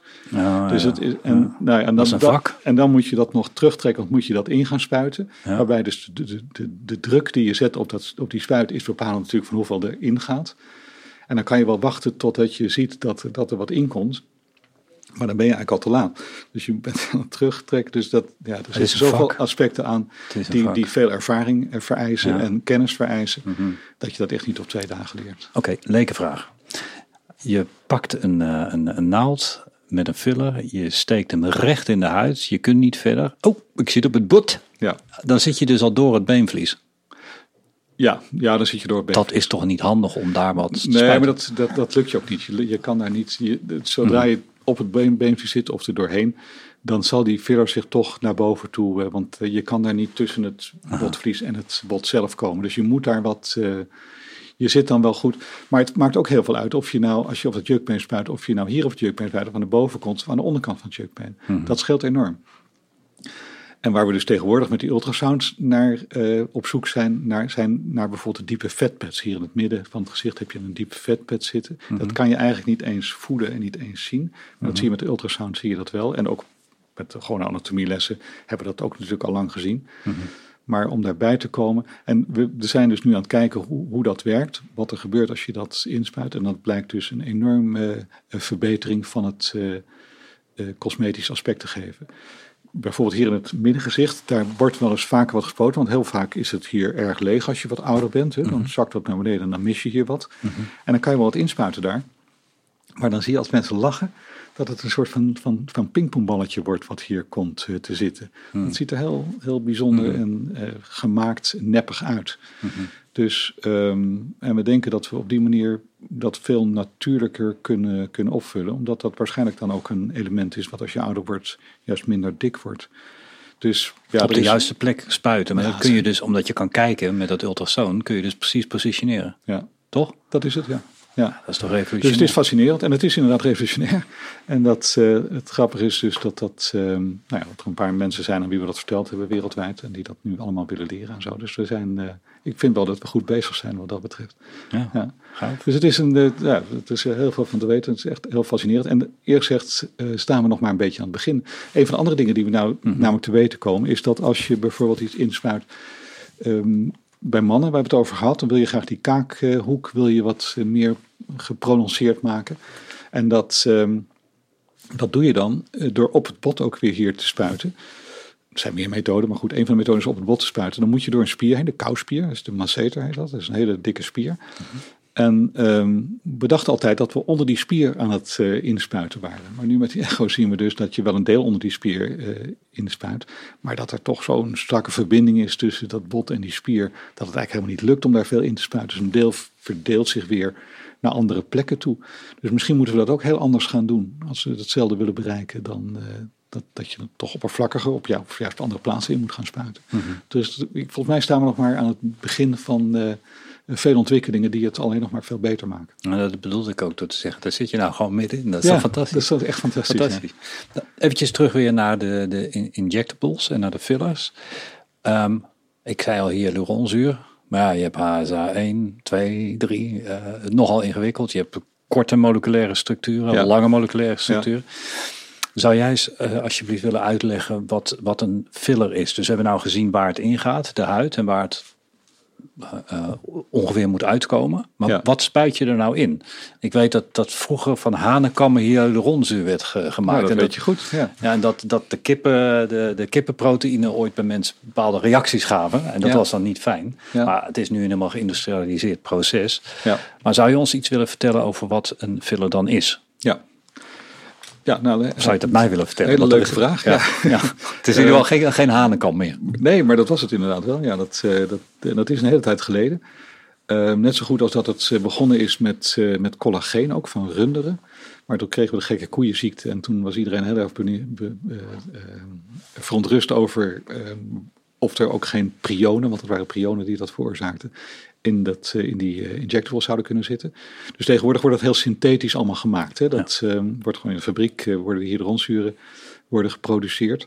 En dat is hetzelfde hyaluronzuur als in je huid zit. Hè? Dat, hyaluronzuur is een, een, substantie van het menselijk lichaam, wat ook in kraakbeen zit. In heel veel organen zit dat. Alleen dat is een, een, een tamelijk instabiele stof, althans hij wordt heel snel afgebroken. Dus uh, het inspuiten van hyaluronzuur sec, dat heeft niet veel zin, want in een paar dagen is het, uh, is weer verdwenen. Dus je moet daar chemisch aan wat, uh, wat aan versleutelen. En wat er gebeurt is dat, dat, um, dat het is een vrij lang, lange keten van moleculen achter elkaar. Mm -hmm. Dat die intern met elkaar verbonden worden. En ehm, die, dat het wordt dan crosslinking genoemd. En dat crosslinking proces, hoe meer crosslinkt, hoe stugger dat materiaal wordt, hoe meer cohesief het wordt en hoe, hoe moeilijker het ook wordt om in te spuiten. Vandaar, dikker of zo? Ja, het wordt dikker. Gewoon, Uiteindelijk wordt het gewoon een klont. Mm het is, uh, dan kan je er helemaal niks meer mee. Dus um, dan moet het dus veel van die, er zijn heel veel merken op de markt. Iedere fabrikant heeft weer zijn eigen eh, gepatenteerde manier om dat uh, uiteindelijk te verwerken. Mm -hmm. Maar veel van die uh, hydroonzuren zijn dus mengsels van ja, wat kortere ketons en wat langere ketons. En meer of minder crosslinking in de verschillende ketons. En op die manier, dat mengsel, dat bepaalt dan wat dat hyaluronzuur als filler kan doen. Wat, wat doet hier, ja, oep, struikelen, hyaluronzuur? Wat doet dat? Ja, hyaluronzuur is een bestanddeel van het menselijk lichaam, juist om vocht vast te houden. Het kan ongeveer 3000 keer zijn eigen gewicht aan, uh, aan water vasthouden. En dat is heel belangrijk, want doordat er uh, hyaluronzuur in de huid zit, kunnen zich allerlei ontstekingscellen bijvoorbeeld, of andere cellen, kunnen zich bewegen door, door de huid heen. Bijvoorbeeld immuuncellen, om, om iets te bestrijden, kunnen zich door de huid heen bewegen, omdat daar veel water zit. Mm -hmm. En dat water, dat zit daar, dat zit daar vast aan dat hyaluronzuur. Houdt dat als het ware het water, het vocht vast? Ja, houdt het vocht vast. Dat is een gel dus. Hè. De gel die, die wordt gevormd uit hyaluronzuur. Dat klinkt bijna als, als uh, ik heb ooit een, een oog van een rund doorgesneden bij een biologieles. Daar, daar, zat, daar zat ook uh, dat, dat, doorzichtige ja, glas, glasachtig vocht. Ja. Is dat het? Ook, ja, ook zo. Okay, ja. Hmm. Ik weet niet of, dat moet ik eerlijk zeggen, dat weet ik niet precies of dat ook hyaluronzuur is. Maar dat, je zou het je zo kunnen voorstellen. Inderdaad. Het houdt het vocht vast. Ja. ja. Alleen in de huid zit daar dan nog collageen, dus bindweefsel, vezeltjes doorheen, die dat ook stevigheid en elastinevezels, die dat ook elasticiteit geven. Mm -hmm. En dat hele weefsel, nou, dat zit dus in die huid. En dat, uh, dus dat is eigenlijk een heel natuurlijke stof die je inspuit, hoewel het chemisch wel gewijzigd is en daar dan wel wat uh, problemen bij zouden kunnen komen. Bijvoorbeeld een allergische reactie. Dat, Volgens mij komt dat eigenlijk nauwelijks voor. 1 op de 100.000 of zo? Nou, sterker nog, we zijn, wij doen daar ook onderzoek naar. En we hebben nu uh, iets van 11 mensen geïncludeerd in dat onderzoek. Uh, en, en, niemand is positief voor de allergietesten die we daarover uitgevoerd hebben. Dus waarschijnlijk uh, speelt dat helemaal, speelt het helemaal niet. Mm -hmm. Hoewel we wel mensen zien met, met, met reacties op die stof. Hè. Maar volgens mij zijn dat dan andere uh, producten die uh, misschien sporen, elementen die van het productieproces nog aanwezig zijn of iets dergelijks. Mm -hmm. Niet het hyaluronzuur zelf. Nee. Maar omdat je dus verschillende uh, manieren hebt om het hyaluronzuur te maken, heb je dus um, heeft vaak heeft bijna alle fabrikanten hebben dus verschillende submerken. Ze hebben dan één merknaam, maar die um, heeft dan weer verschillende diktes. Zo mm -hmm. heb je dan een, een stof die meer is om volume te geven. Op de jukbenen erin te spuiten, op de kin bijvoorbeeld. Kin is ook heel belangrijk als je ouder wordt. Krimpt dat een beetje om dat uh, wat meer structuur te geven. Mm -hmm. Dat, maakt het, uh, dat houdt het heel erg jeugdig. Of maakt het ook heel krachtig. Um, en dan heb je dus uh, wat, wat vloeibaarder fillers om bijvoorbeeld toch nog zo'n lijntje op je bovenlip in te spuiten. Of de lip zelf, die wil je ook niet zo'n heel, als je wat lipvergroting wil hebben, wil je ook niet zo'n hele stugge filler hebben. Mm -hmm. Want je wil ook uh, ja, prettig kunnen kussen bijvoorbeeld. Ja, en dat, dat, uh, dat het zacht aanvoelt. hard stootkussen. ja, dat, dat, wil je ook niet hebben. Ja. Dus uh, dat en, en dan nog iets ertussenin. Dus um, je kan daar heel veel kanten mee op met dat hyaluronzuur als, als, als fabrikant. Mm -hmm. En um, overigens is het wel zo dat hoe stugger het is, hoe langer het duurt voordat het afgebroken is. Hè, hoe langer het dus effectief is ook. Um, dus nou ja, dat, dat is het hele spel waar die fabrikanten mee zitten. Van hoe, hoe krijg je het beste product daarin? Maar is het, en dat is, gaat, zorgt hyaluronzuur ervoor bij cellen dat ze gaan differentiëren of gaan groeien? Nou, of dat, want je zei al, wat er ontstaat is dat uh, dingen op reis kunnen eigenlijk. Ja. Maar en uiteindelijk wil ik naar na nog iets anders toe. Is dat ik, dat ik ergens een verband heb gezien bij als je hyaluronzuur gebruikt bij zich snel delende cellen, dat het onhandig kan zijn. Ja. Maar ja, dan, nou, dat is, dat is wel een hele aparte vorm van, uh, van uh, onderdeel van de medische uh, research. Mm -hmm. Is dat hyaluronzuur ook belangrijk blijkt te zijn bij kankercellen. Hè? met name bij longkanker wordt daar veel onderzoek naar gedaan. Mm -hmm. En dan blijkt er toch wel een belangrijke rol weggelegd te zijn voor de hyaluronzuur. Helemaal duidelijk is het nog niet. Daar zit ik ook niet zo goed in, moet ik eerlijk zeggen hoor. Maar is dat een goede rol of slechte rol? Nou, nee, het, enige wat ik kan zeggen is dat het uh, afhankelijk van de, de lengte van de ketons blijken dus die hyaluronzuren een bepaalde uh, functie te hebben. Mm -hmm. Bijvoorbeeld korte ketons die, uh, die trekken ontstekingscellen aan. En dat is ook logisch eigenlijk, want als je een snee in je huid hebt, dan worden die ketels korter. En dat wil je wel graag genezen hebben, dus dan moeten daar immuuncellen moeten daarheen.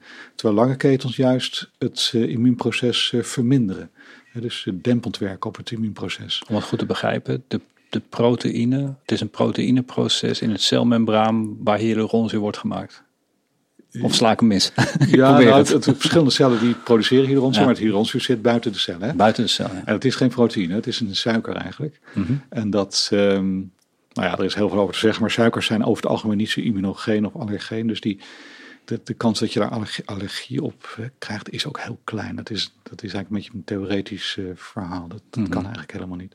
Maar het is, uh, kijk, en wat je zei van die, die fillers in cellen, dat gebeurt allemaal niet. Het, het, zit niet in cellen. Het is ook veel te groot voor een, voor een cel. Zo'n hyaluronzuurketen, dat, die is gigantisch lang. Duizenden, tienduizenden moleculen achter elkaar, dat is veel groter dan een cel. Dus die, die cellen dat, die spelen geen rol in het hele proces. Het is het weefsel-effect dat je dat gewoon het weefsel een beetje opzij duwt.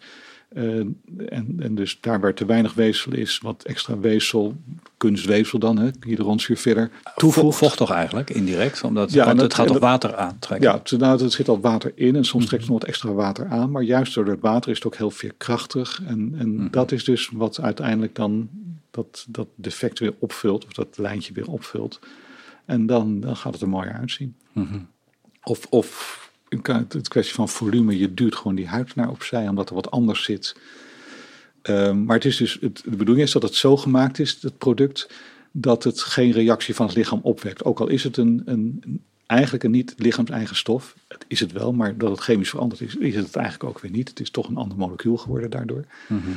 Um, en dat wordt genoemd biocompatibiliteit. Hoe biocompatibel. En dat moeten die fabrikanten ook aantonen voordat het op de markt mag komen. Dat het dus geen uh, specifieke reactie opwekt in het Mhm. lichaam. Anders mag het niet eens verkocht worden. Als ik het zo allemaal hoor, kan ik eh, tot nu al twee conclusies trekken voor mezelf. En dat de, de, de eerste is, het is een vak. Ja. Eh, en of je het nou schoonheid of Ik esthetica... denk dat ik dat heb kunnen overbrengen. Nee, maar dat, maar dat is het. Er zitten Ja. zoveel nuances in en zoveel distincties dat, dat het eigenlijk onmogelijk is dat iedereen op, de hoek dat doet. Ja. En hoe ver ze daar gaan, dat weet ik niet. Ehm, maar dat, het is gewoon een vak. Dus dat, dat moet je overlaten aan professionals. Het tweede wat ik eigenlijk eh, begin te leren, ik heb nooit iets tegen fillers gehad. Alleen ik had te weinig kennis en mijn kennis is nu vergroot. Als je het hebt over op de juiste plek injecteren van zoiets als hyaluronzuur, dan is het risico ongeveer nihil. Want ik weet Ja. dat er mensen nu kijken en zichzelf de vraag stellen: eigenlijk wil ik wel iets met bijvoorbeeld mijn gezicht, ik wil wel een filler. Ik zit nu te kijken, eh, moet ik het nou wel of niet doen? Eh, en als dan de vraag is: is het veilig of niet? Dan durf ik bijna al de conclusie te trekken dat het eigenlijk wel veilig is. Als je van een goede fabrikant hebt en van een goede, goede specialist die op de juiste, ik weet niet of specialist het goede woord is, Ja, ja, mag je de, juiste specialist op de juiste plek ook nog eens inbrengt. En al Ja. helemaal straks als die ultrasoonontwikkeling gaat komen, dat je dus ziet waar het uitkomt. Volgens mij is het alleen maar een win. Ja. Ja. Ja, nou ja, kijk, het, niets is helemaal zonder risico's, moet ik wel zeggen. Ehm, wat we merken namelijk, er zijn nog een paar kanttekeningen te maken. Die biocompatibiliteit, dat is iets wat die fabrikanten aan moeten tonen. Maar als het, eh, het materiaal een tijdje in het lichaam is, dan verandert het natuurlijk. Het gaat wat water verliezen, die ketels die worden langzaam afgebroken. En eh, zeker bij mensen waarbij dus heel veel is ingespoten, want er zijn verschillende ook weer scholen in natuurlijk. Hè. Er zijn eh, artsen die, ehm, die het niet bij één spuitje laten. Nou is één spuitje ook wel weinig, maar nou, gemiddeld denk ik dat, dat, ik ben me nu een beetje aan het terugtrekken, maar dat ik zo twee, drie spuitjes per cliënt deed. Ehm, en dan één of twee keer per jaar. Maar er zijn artsen die 10 of 15 spuitjes doen. En, dan, en dan zien we toch wel dat het lichaam daar wat meer moeite mee heeft. Dat het, eh, dat het toch als iets lichaamsvreemd erkend wordt. Bovendien blijft dat veel langer zitten. Omdat het van buiten naar binnen afgebroken wordt, eh, zie je soms jaren later nog dat, dat dat materiaal daar zit. En dan gedraagt het zich dus toch een beetje als een permanente filler. Dat het, eh, en dan, dan heb je toch wel wat meer risico, heb ik het idee. Ehm, bovendien is het zo dat, dat met die, met, ook weer met die ultrasound zien we dus dat ehm, de effectiviteit van die fillers eh, wordt dan meestal gezegd het is een jaar of anderhalf jaar. Ehm, en dat is ook zo, maar de filler zelf blijft veel langer, maar dan, dan, dan zie je er niks meer van, omdat het zo weinig is. Dat het, eh, maar het zit er nog wel. En dat kan dan toch, misschien toch wel prikkelend werken of zo. Er zijn een aantal mensen in onze praktijk voor fillercomplicatie in het Erasmus ziekenhuis, die, die, die vijf, zes jaar na de behandeling komen met allerlei onbegrepen zwellingjes en dingetjes. En ehm, het is allemaal niet zo ernstig en zo, maar waarvan wij denken dat het toch door de filler komt. Toch wel, Ja. ja. Ja. Dus je moet het, het, is een, het blijft een medische ingreep, dus je moet het met omzichtigheid doen. Arts, arts moet goed zijn, dat is, dat is belangrijk. En, eh, en we moeten constant kritisch op onszelf blijven. Mhm. Dat is ook iets als arts. Hè? Dat, gewoon dat je blijft nadenken over wat je aan het doen bent en of je het wel goed doet. Mag je nog een clichévraag stellen? Voordat ik eh, de laatste vraag stel, want we zitten al eh, bijna anderhalf uur. Oh, oké. En jij gaat zo naar Amsterdam. Ehm, moet je ergens, we hebben het een klein beetje over gehad, moet je ergens stoppen? Met andere woorden, ik heb een aantal eh, vrouwen gesproken die, die hun borst hebben laten vergroten. En het kan toeval zijn, maar na een aantal maanden zeggen ze toch, het had wel groter gemogen. Ik zeg niet dat iedereen dat zegt, het is NS 3. Dus ik, maar maar is, het, is het niet heel erg verleidelijk eh, ehm, om een volgende stap weer te nemen? En moet je ergens, moet je ergens stoppen? En dan vraag ik niet vanuit, vanuit een arts die dat, dan, die dat dan zegt, maar denk even hardop mee. Hoe moet je daar zelf mee omgaan als je zo'n vraag hebt? Ik heb mijn boventanden laten doen en dat is oké. Maar ik zou ook bij mezelf kunnen denken, ja, dan kan ik misschien mijn ondertanden doen. Hoe, moet je, hoe moet je daar voor jezelf mee omgaan? Ja, ja goede vraag. Ehm er is, er is, nog even als, als eh, professional gesproken, is weinig onderzoek naar gedaan. Ik heb wel eens gezegd van het, eh, ehm, er bestaat zoiets als, eh, als verslaving aan, aan cosmetische chirurgieën. Zonder dat het dus een, een body dysmorphic, waar we het net over hadden, mensen die een verkeerd cellenbeeld hebben, echt een verslaving aan cosmetische chirurgie. Maar dat is nooit onderzocht, maar ik denk echt dat dat, dat zo is. Ehm, Omdat je misschien die betere reacties uit je omgeving krijgt? ja, precies. En dan wil je dat telkens weer opnieuw wil je dat, eh, wil je dat meemaken.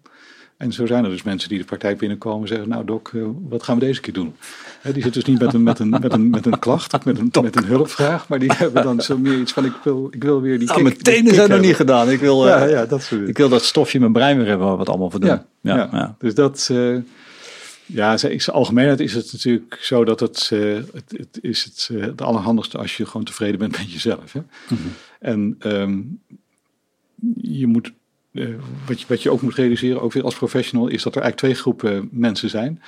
Mensen zoals jij, die één specifiek probleem hebben. Tanden, neus, eh, borst is dan net weer wat anders, maar dat zou je er ook weer mee hebben. Die zijn te klein bijvoorbeeld. En dan is het probleem opgelost, dan is het ook opgelost. En je hebt mensen die de veroudering tegen wil gaan. Dat is natuurlijk een proces wat nooit ophoudt. Dus dat, dat, daar, daar blijf je mee bezig, zou ik maar zeggen. Dus dat zijn wel twee onderscheiden groepen. Ehm, ja, je moet. Ja, en, en wat ook nog zo is, is dat, je, dat de enige goede reden om dit te doen is ehm, omdat je het voor jezelf wil. En niet omdat je echtgenoot het zegt of omdat het iemand anders in je omgeving zegt van jij, jij moet dit of jij moet dat. Mooi. Je moet het echt zelf willen. Van binnenuit. Want dat, dat, anders blijf je je afhankelijk maken van je omgeving. Dus je moet het zelf, zelf willen. En, dat, en dan, ja, nou ja, op een gegeven moment moet het wel voor je genoeg zijn. Dat is, dat is natuurlijk ook zo. Dat, ehm, maar wij zijn allemaal mensen. We staan constant bloot aan, eh, aan, het, aan het consumentisme wat rondom ons heen. Ja, dat, dat is één. Maar twee, en daar daar vraag ik je er ook een beetje naar. De komende jaren wordt nog wat minder leuk. Omdat die social media een enorme grote impact hebben op de, de psyche van mensen. Op het handelen van mensen. En Ja. ook op het zelfbeeld van mensen. Absoluut. En zeker bij, bij, bij jongeren. En daar, daar wilde ik eigenlijk op voor sorteren. Eh, niet om dat helemaal af te maken. Maar dat is toch wel een vraag die ik steeds vaker aan mezelf stel. En ook aan anderen als ik daarmee spreek hier ook. Hoe zit dat nou precies? Hoe ver moet je gaan? En, en is er niet een hele generatie nu, ik denk dat het antwoord ja is, die, die, die een verkeerd of scheef of ander zelfbeeld heeft dan het zou moeten hebben. Omdat je gewoon jezelf even kunt veranderen met een, met een, met een, met een filter. En dan is de ene keer dit weer in en dan de andere keer is dat weer in. En dat gaat heel ver. Eh, ehm, maar ik vind het mooi wat je zegt. Je, je moet diep van binnen moet je jezelf de vraag stellen of jij dat zelf wil. En dat is veel veiliger dan dat je dat doet omdat anderen dat vinden.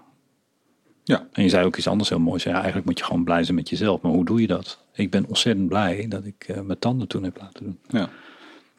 maar dat is een oms, omschreven probleem. Hè? Dat is, ja, ja, dat, is, dat maakt het dus wel, wel makkelijk. Ja, ja. Dat, uh, ja, niet dat het makkelijk is. Nee, het is altijd moeilijk om te reden. Iedereen is onzeker en eigenlijk is er nog helemaal niks mis mee. Nee, het is eigenlijk wel leuk. Ja. Dat is het thema in ieder geval mijn leven. Ja, dus Het, uh, dat, daar, die moet ook niet naar, naar streven om totale zekerheid te hebben, denk ik. Maar ik ben het helemaal met je eens dat... Uh, die, die, die, dat Photoshop en zo, er is geen normale foto meer te zien in nee. geen enkel tijdschrift en nee. geen enkele uiting meer.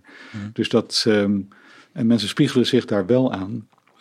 En dat is echt totaal verkeerd. Maar ja, wij kunnen het niet, wij kunnen het niet omkeren. het enige wat ze kunnen zeggen is dat het zo is en dat mm -hmm. uh, mensen moeten proberen om daar afstand van te nemen, want dat is een gevaarlijke uh, ontwikkeling. Mm -hmm. Ja, en ja, tevreden zijn met jezelf. Ja. Dat is een reis. Ja, en dat is, nou ja, kijk, ik ben natuurlijk ook inmiddels uh, 65. Hè. En um, nee, ik, ik, langzaam, langzaam pas begrijp ik het. En dat is wel jammer, ik had het liever wat eerder begrepen. Zo werkt het. Maar, maar zo werkt het dus zo niet. het. Nee. We hebben nog een kleine vijf minuutjes. Ik heb nog één vraag aan je. Als je even heel erg wild in de toekomst kan kijken, in de toekomst van de wetenschap, in de toekomst van waar je zelf mee bezig bent. Dan heb je het al over ultrasound gehad. Je hebt het over, in mijn woorden, steeds betere injectables, steeds betere producten gehad. Wat zie je nou gebeuren als je naar de toekomst kijkt in jouw vakgebied? Ja, nou, dat is ook wel een beetje beangstigend, moet ik eerlijk zeggen. Maar ik, ik denk dat het uh, veel meer gerobotiseerd gaat worden. Mhm. Mm -hmm. He, die injecties, dat is natuurlijk uh, uh, op zich niet. we weten er nog heel veel niet, niet van en zo, maar dat, gaat steeds duidelijker worden, denk ik. En op een gegeven moment is het het, blijft, het, het, is nu mensenwerk en dat is, dat, dat, dat, dat, daar zitten natuurlijk inherent uh, vergissingen en fouten zitten daarin. Dus om dat te robotiseren. En ook artificial intelligence uh, qua analyse van gezichten en hoe die mooier te maken zijn en zo. Dat zal, dat zal helaas wel gaan komen, denk ik. Waarom zeg je helaas? Ja, nou, de, enerzijds... Dat er een vak... de vak verloren gaat. Verloren ja. gaat? Ja, en anderzijds omdat het dan toch een soort van eenheid gaat, uh, gaat worden, een eenheids... Oeh, als we extrapoleren dat je dan gewoon het uh, schoonheidsideaal krijgt door even je creditcard ergens te swipen. Zit, zit maar ingrepen, twee nachtjes slapen, is goed. En dat, omdat dat gewoon rekenmodellen zijn, komen we allemaal met dezelfde kopie uiteindelijk. Ja. ja, dat zie je nu al een beetje gebeuren. Serieus? Dat, ja. Nou ja, Los Angeles, dan zie ik als ik naar de dames in Los Angeles kijk, die hebben allemaal exact dezelfde neus. Ja. Nou, ik overdrijf hopelijk, maar heel veel vrouwen. Nee, maar dat, uh, daar zit ik nog niet zo goed in in de neus. Maar ik, ik hoor wel zeggen dat uh, je precies kan zien naar welke chirurg toe gaan zijn. Want dan, ja. dan krijg je gewoon die neus. Ja, snap je. dus, ja, ja. ja, en dat, dat, dat zal toch jammer zijn. Overigens vind ik het voor lezer, heb ik me al jarenlang afgevraagd waarom dat nu al niet gerobotiseerd is. Want dat zou eigenlijk nu al heel goed moeten kunnen. Dat met ogen is dat al zo natuurlijk. En dat is uh, kwalitatief natuurlijk ook wel veel beter dan mm. dat het handwerk uh, is. Mhm. Dus dat het heeft ook wel voordelen, maar het moet niet te veel op elkaar gaan lijken. Anders uh, ja, zijn we allemaal poppen aan het worden die uh, er mooi uitzien, maar niks eigens meer hebben. Nou, maar je zei al heel mooi eerder van een beetje asymmetrie of het ja. maakt het interessanter. Ja. Volledig goed is misschien wel minder interessant. Ja, ja dat denk ik, ja. Ik heb nog zoveel vragen, maar het is nu het is tijd. Onwijs bedankt. Um, mooi, mooi vakgebied. Volgens mij heb je gewoon heel veel mensen blij gemaakt. Zo simpel is het. Dan ga je nog meer mensen blij maken. Ja, ja dankjewel. Ik vond het heel leuk om te doen. Ja, nee. En uh, je zei zomaar ja. ja dat ook nog even. Dank. Oké, okay, zeg gedaan. Update je body, mind, spirit en skills in onze gratis kennismakingsworkshop. Ga nu naar newlifeuniversity.com slash workshop. Abonneer je nu op dit YouTube kanaal en like deze video als je deze